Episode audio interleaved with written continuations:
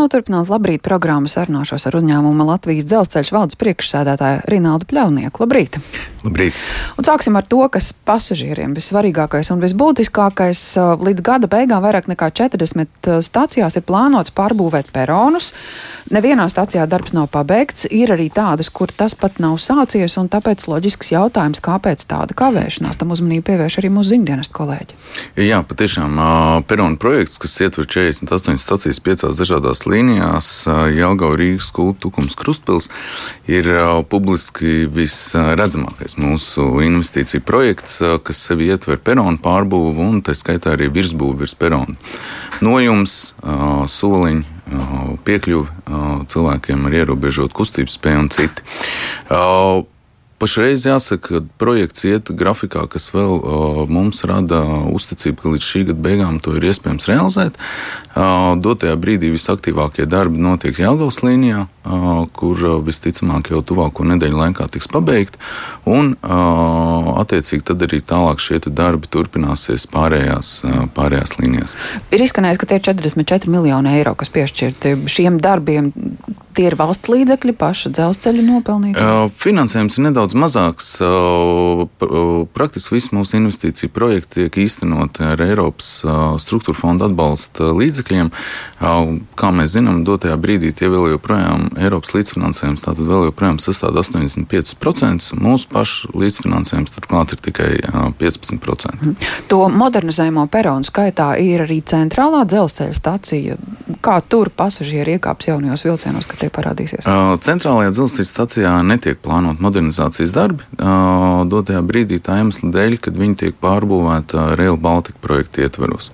Pašreiz notiek būvniecība pie dienvidu puses, tātad puses, kas ir tuvāk, tuvāk centrāla tirgumu tā ir plānota pabeigt tuvāko gadu laikā, un tad pēc tam ķerties klāt arī tā saucamajai ziemeļpusē, jeb kas atrodas centra pusē. Tas nozīmē, ka pasažieriem, jo īpaši tiem, kam ir sarežģīti iekāpt vilcienu vagonos, aizvien tā situācija nemainīsies.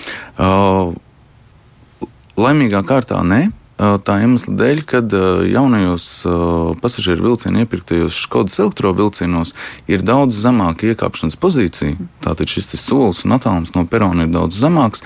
Un, attiecīgi, gan centrālā stācijā, gan arī jaunisbūvētajās pieturvietās ar jauniem peroniem, un arī citās, kas, kas šajā projekta ietvarā netiks remontēts, pasažieriem būs daudz vieglāk iekāpšana un, attiecīgi, sarežģījumiem nevajadzētu, nevajadzētu būt. Kas jums ir zināms par jaunajiem elektrovielcieniem un to kavēšanos? Satiksmes ministrs šodien tiekas ar, ar, ar Čehu uzņēmumu vadību, bet nu, tā kavēšanās Latvijā tā ir vai nav saistīta ar pašu dzelzceļa infrastruktūru? No, jā, labs jautājums par kavēšanos. Protams, mēs esam diezgan uh, dziļi iesaistīti šajā procesā. Uh, tātad šo vilcienu certifikācijas uh, infrastruktūras nodrošināšanā.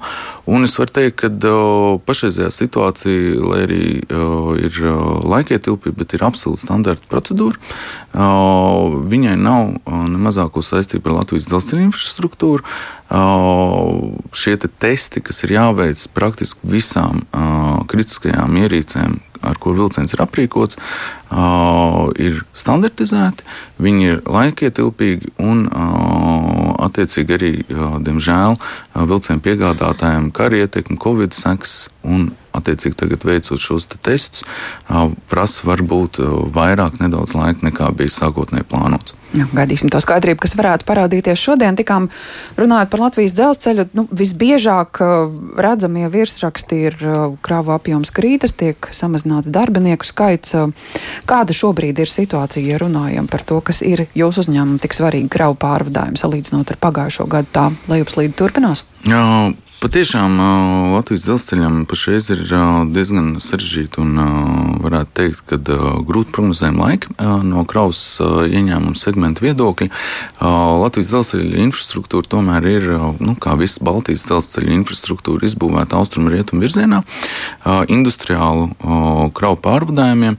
Ja pagājušo gadu mums izdevās diezgan veiksmīgi sabalansēt kravu apjomus un šis kritums bija salīdzinoši minimāls, vismazākais Baltijā, tad šogad mēs redzam, ka nu, visticamāk tas apjoms samazinājums būs par kādiem 20-25%. Uh, skaidrs, ka šeit vislielākā ietekme ir uh, sankcijām, tāpat tās arī ģeopolitikai attiecīgi, un, bet nu, strādājam pie tā, lai sabalansētu šo kravu apjomu. Cik liels iespējas vispār ir, ko darīt un strādāt, nu, zinot arī, ka tās kravas, kas no austrumiem nāk, nu, Tur alaži ir tas jautājums.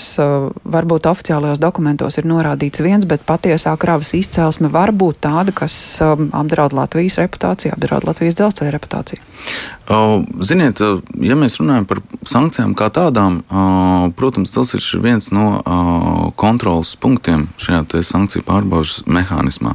Nedēļā mēs pārbaudām vidēji simts un pat vairāk pārvadājumus, bet varu droši apgalvot, ka izšķiroši apjomi, kas tiek vēsti pa dzelzceļu, ir kontrolējami Tātad, piemēram, ja mums ir ogļus, akmeņu ogļu pārvadājumi, rūdu pārvadājumi, kas tiek pārvadāti desmitos un simtos tūkstošu tonu, tad mēs diezgan skaidri varam no, izkontrolēt to izcelsmes vietu, piegādes vietas, iesaistītos dalībniekus. Un, uh, potenciāli sankciju pārkāpumu, līdzīgi kā kontrabanda, ja, kas vienmēr ir bijusi, tad notiktu daudz mazākos apjomos un pārvadājumos. Un līdz ar to var uzskatīt, ka sankciju kontrole izšķirošiem apjomiem ir iespējama. Par kravu apjomu aizvietošanu ļoti komplicēts uzdevums. Ja pagājušajā gadā mums tas izdevās diezgan labi, aizstājot aptuveni trešdaļu no apjomiem ar citām kravām, tātad kritums pa dažiem procentiem, bet aizstāja faktiski kritums pa trešdaļu, kas ir aizstāts ar jauniem apjomiem, tad, tad šogad jau tas ir daudz izaicinošāk, bet nu, redzam un ticam, ka pie šāda apjoma pašreizējā sankciju regulējumā varam turpināt strādāt. Kas ir tas, ko, ko tad izdodas aizstāt to kritumu? Uh, galvenokārt tā ir bijusi Centrālā Azijas apgāde. Uh, var minēt tādas kravas kā Jelts, kuras uz Uzbekistānu pārstrādē, ja, kas ir sasniedzis aptuveni miljonu tonu jau uh, absolūti jauna kravu pozīcija mūsu tranzīta koridorā. Graudu pārvadājumi, uh, rūdu piegādes uz Centrālā Aziju. Nu, Tātad šie industriālās izēvielas. Bet tas tik un tā iet caur Krieviju, caur Baltkrieviju. Jā, tāda ir mūsu geogrāfiskā atrašanās vieta. Bet, nu, līdz ar to tās manevra iespējas atrast ko jaunu, ko citu šobrīd ir izsmeltas. Uh, nē, notiek diezgan aktīvs darbs arī pie pārvadājumiem tā saucamajā ziemeļdienvidu koridorā, jeb uh, iekšzemes kravām, Baltijas starp pārvadājumiem. Bet šeit jāatcerās tas, ka uh, sadarbībā ar trešajām valstīm mēs varam uh, attiecināt pilnu infrastruktūras maksu. Ja pārvadājums notiek Latvijā uh, vai uh, starp Baltijas valstīm, tātad Eiropas Savienības ietvaros, tad tikai tiešās izmaksas, kas ir aptuveni 20-25% salīdzinot ar šo trešo valstu pārvadājumiem. Tādēļ arī šeit veicot pārvadājumus, tie komerci ieņēmumi ir uh, daudz mazāki. Nu, vēl viens no iespējamiem kravu risinājumiem satiksmes ministrs izteicās, ka caur mūsu ostām varētu plūst Ukrainas labība, kura nonāktu pie mums izmantojot dzelzceļa pārvadājumus. Nu, skatoties kartē, tas vien jau šķiet ļoti sarežģīts manevrs. Tas vispār ir iespējams? Ziniet, es līdz šī gada vasarai biju absolūti skeptisks par šo jautājumu un uzskatīju, ka tas industriālos apjomos priekš dzelzceļa nav iespējams, jo ir jāveic trī, divas dažādas pārkraušanas un trīs dažādi dzelzceļa pārvadājumi. Tātad Ukraiņa, Polijas robeža, Polijas, Lietuvas robeža un tad Lietuvas, Latvijas.